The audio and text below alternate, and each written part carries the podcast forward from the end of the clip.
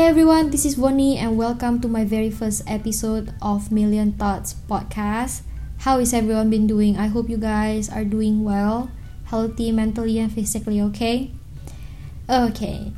So in today's episode will be about living alone. Yes, gue bakal bahas tentang tinggal sendiri, but before we jump into that, record podcast ini sama sekali nggak gue edit karena gue mager. Jadi kalau gue ada berhenti atau gue jeda, berarti gue lagi mikir dan jadi gue bakal terus-terusan ngomong dan satu hal lagi gue agak sedikit kesulitan record podcast ini karena banyak yang lagi pada stay home tetangga gue suka rada berisik jadi kalau ada suara aneh-aneh maaf but bukan aneh-aneh yang aneh-aneh you know what I mean Oke, okay, pada dasarnya gue di Jakarta udah hampir 2014, 2020. Holy shit, 6 years? Wow, oke. Okay a lot has happened in six years dan gue pengen share ke kalian. Sebelum gue di Jakarta, gue tinggal di Batam, kemudian pindah ke Singapura untuk kuliah dan balik lagi ke Batam, dan akhirnya memutuskan untuk pindah ke Jakarta. Long journey guys, trust me. But we'll get into more details about that on my next podcast ya.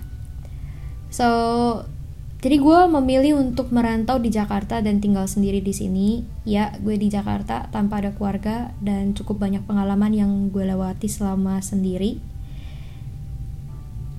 Banyak banget tantangan yang sebenarnya hampir segala aspek kehidupan bersangkutan dengan being independent itu sama sekali nggak mudah. Because we gotta do shit ourselves and I'm pretty sure yang jauh dari keluarga atau bahkan merantau selalu lebih terbiasa ngelakuin apa pun sendiri right? Dan menurut gue itu terbentuk dari ya living alone tadi. We decide and do things as what and how we want. Dan banyak orang bakal berpikir bahwa kita mandiri nggak ngerepotin atau nyusahin orang lain. But trust me ada suatu hal yang tidak semua orang mengerti ketika kita jauh dari keluarga yaitu kesepian. Anyone feel me now? Imagine this. You have a job. You have a friends. Or probably a lot of friends you went out to have some fun, but when you are tired and you get back home, no one's there. No one's home. A home that you've created on your own living far away and expect to feel the same as if you are at home with your family. You know what I mean? But still, no matter how comfortable your bed, how cute your room is, merasa kesepian ketika tinggal sendiri dan jauh dari keluarga sucks banget. Dan gak semua orang bisa mengerti akan hal itu. Menurut gue hanya orang-orang yang sudah pernah merasakan jauh dari keluarga atau sedang jauh dari rumah yang justru mengerti apa yang kita rasain. Um, bahkan lebih baik terkadang kita merasa udahlah stay silent aja and just suck it up right? Don't deny it guys. Oke okay, gue mau cerita. Selama 6 tahun di Jakarta, gue pindah kos apartemen, kos apartemen hampir 8 kali. ya sudah gue hitung termasuk tempat yang gue tinggal saat ini. Yes 8 kali. Dan akhirnya menetap dan akan pindah lagi. But again nanti kita bahas di podcast selanjutnya. Waktu itu gue pernah post di sosial media kayak kalau pindah mulu itu kenapa sih? Apa sih yang salah di gue? Dan ada beberapa temen gue bilang kalau gue lagi di fase midlife crisis. Dan ketika gue baca memang sih pindah ke sana ke sini memang salah satu faktor dari midlife crisis. Tapi gue masih nggak percaya. Dan setelah gue milih untuk stay di tempat yang gue tinggal saat ini butuh 8 kali pindah dan butuh waktu yang cukup panjang buat gue sadar kalau memang ketika kita tinggal sendiri itu kita bakal usaha semaksimal mungkin untuk bikin suasana senyaman mungkin dan bahkan menjadikan tempat tinggal kita seakan-akan kita di rumah. Dan itu sama sekali bukan suatu hal yang buruk menurut gue. Dan yang paling penting ketika kita tinggal sendiri, selain soal adaptasi, kita benar-benar harus merasa nyaman dan aman. Gue inget banget, kosan pertama kali gue itu ruangannya cukup kecil. Gue nggak ngerti cara hitung ruangan, but it was really small. Bahkan kalau ada temen gue yang datang bener nggak bisa fit more than three people, sesek banget rasanya. Dan kebetulan kosannya depan-depanan nama kampus gue, dan karena gue masih baru di Jakarta gue belum ada waktu banyak untuk cari kosan lain. Dan ternyata gue nggak lama di kosan itu. I think 3 months akhirnya gue pindah. Karena selain kecil kosannya itu sama sekali nggak ada jendela. Ada sih jendela tapi jendelanya kayak di dalam ruangan gitu loh. Jadi kalau dibuka udara yang masuk ya dari koridor bukan jendela yang dari angin dari luar masuk ke dalam kamar. Oke okay, I hope penjelasan gue jelas terus gue pindah ke salah satu kosan yang dekat dengan kampus juga bentuknya kayak rumahan gitu ada balkon di depan yang langsung ngadep ke taman terus kamarnya juga cukup luas kali ini bisa rame Jadi kadang kalau pulang kampus teman-teman sering datang mampir bahkan numpang tidur sebelum kelas dimulai. Aduh, jadi nostalgia. Tapi entah kenapa gue tetap gak nyaman. Karena hal sangat sepele sekali sih sebenarnya. Kamarnya berasa redup. Gue nggak tahu itu cuma perasaan gue doang waktu itu, tapi kamarnya berasa horor. Horor banget deh. Terus akhirnya gue pindah kosan lagi. Kali ini gue pindah ke kamar yang cukup luas dan kamarnya furnished. Tetap nggak ada jendela dan kamarnya lucu banget parah ah I wish ini YouTube gue bisa nunjukin foto kamarnya tapi gue memutuskan untuk pindah karena kosannya itu kayak di dalam gang dan hanya muat motor yang lewat jadi kalau pulang malam itu bener-bener serem by the way ini sama sekali nggak lagi flexing atau gue lagi nggak bersyukur cuman gue mau ngasih tahu perjalanan selama gue pindah sana sini dan biar panjang aja podcast ini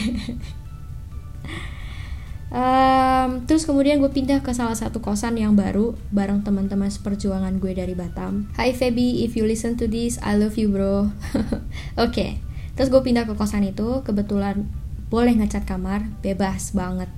Gue bikin tema seminimalis mungkin, semaunya gue. Pokoknya lucu deh. But after some time, I get sick of it. Karena lingkungan di kosan itu cukup toxic. Ini berhubungan dengan soal friendship dan bakal gue bahas juga di podcast selanjutnya dan lagi-lagi nggak ada jendela jam tidur kacau nggak tahu pagi nggak tahu malam cuma bisa sadar kalau pintu dibuka bisa bayangin kan semager apa dan sepengaruh apa tempat tinggal terhadap kita sendiri terus akhirnya gue memutuskan untuk pindah ke apartemen waktu itu mantan gue kebetulan support juga untuk pindah dan akhirnya gue nemu di apartemen yang cukup jauh dari kampus sebenarnya tapi gue tetap mau pindah yang penting gue nyaman tapi gue baru tinggal sebulan, padahal gue udah bayar tiga bulan. Dan ternyata apartemennya serem guys. Gue digangguin. Mm -hmm. Nah, akhirnya pindah balik lagi ke kosan gue yang gak tahu pagi, gak tahu malam itu. Bahkan kali ini gue pindah lantai. Sebelumnya di lantai 4, gue pindah ke lantai 2. Hmm, tetap seusaha apa pun, gue masih gak nemuin yang namanya kenyamanan. Long story short, akhirnya gue ngungsi sementara ke rumah mantan gue dan sambil cari apartemen yang baru dan nggak horor. akhirnya nemu. Gue tinggal bareng sama temen gue dan karena doi Monica, akhirnya gue tinggal sendiri lagi. Dan gue pindah tower, cari yang studio dan jadi tempat tinggal gue hingga saat ini for almost 3 years now. Dan belum pindah-pindah lagi kok, tapi cukup lumayan bikin gue nyaman tapi gue sedih bentar lagi gue juga harus pindah, tapi kali ini bukan pindah tempat tinggal, gue akan pindah domisili. Hah, begitulah kira-kira journey gue tinggal sendirian dan cari kenyamanan, cari ketenangan untuk diri gue sendiri. Tapi bener deh, tempat tinggal yang ada jendela yang ngadep keluar itu ngebantu dan ngefek banget untuk mental health. Trust me, sebisa mungkin cari tempat tinggal yang ada jendelanya. Panjang ya. ha, living alone is tough tapi apa daya kalau memang itu pilihan yang kita pilih. Ngeluh juga nggak ngebantu apa pun. Dan dari tantangan seperti ini, jauh dari keluarga justru akan ngebentuk pribadi kita menjadi lebih kuat, membuat kita sadar juga bahwa kebahagiaan ada di dalam diri kita sendiri. Asik. Gue sangat amat mengerti ketika ada yang merasakan homesick, kangen dengan keluarga, kangen masakan rumah, kangen kasur di rumah. But it's okay. You are human, I am human. We are allowed to feel. And it's okay, you are not alone. Trust me. Emang susah, but it's gonna be worth it. Hang in there. You can do this. We can do this, okay?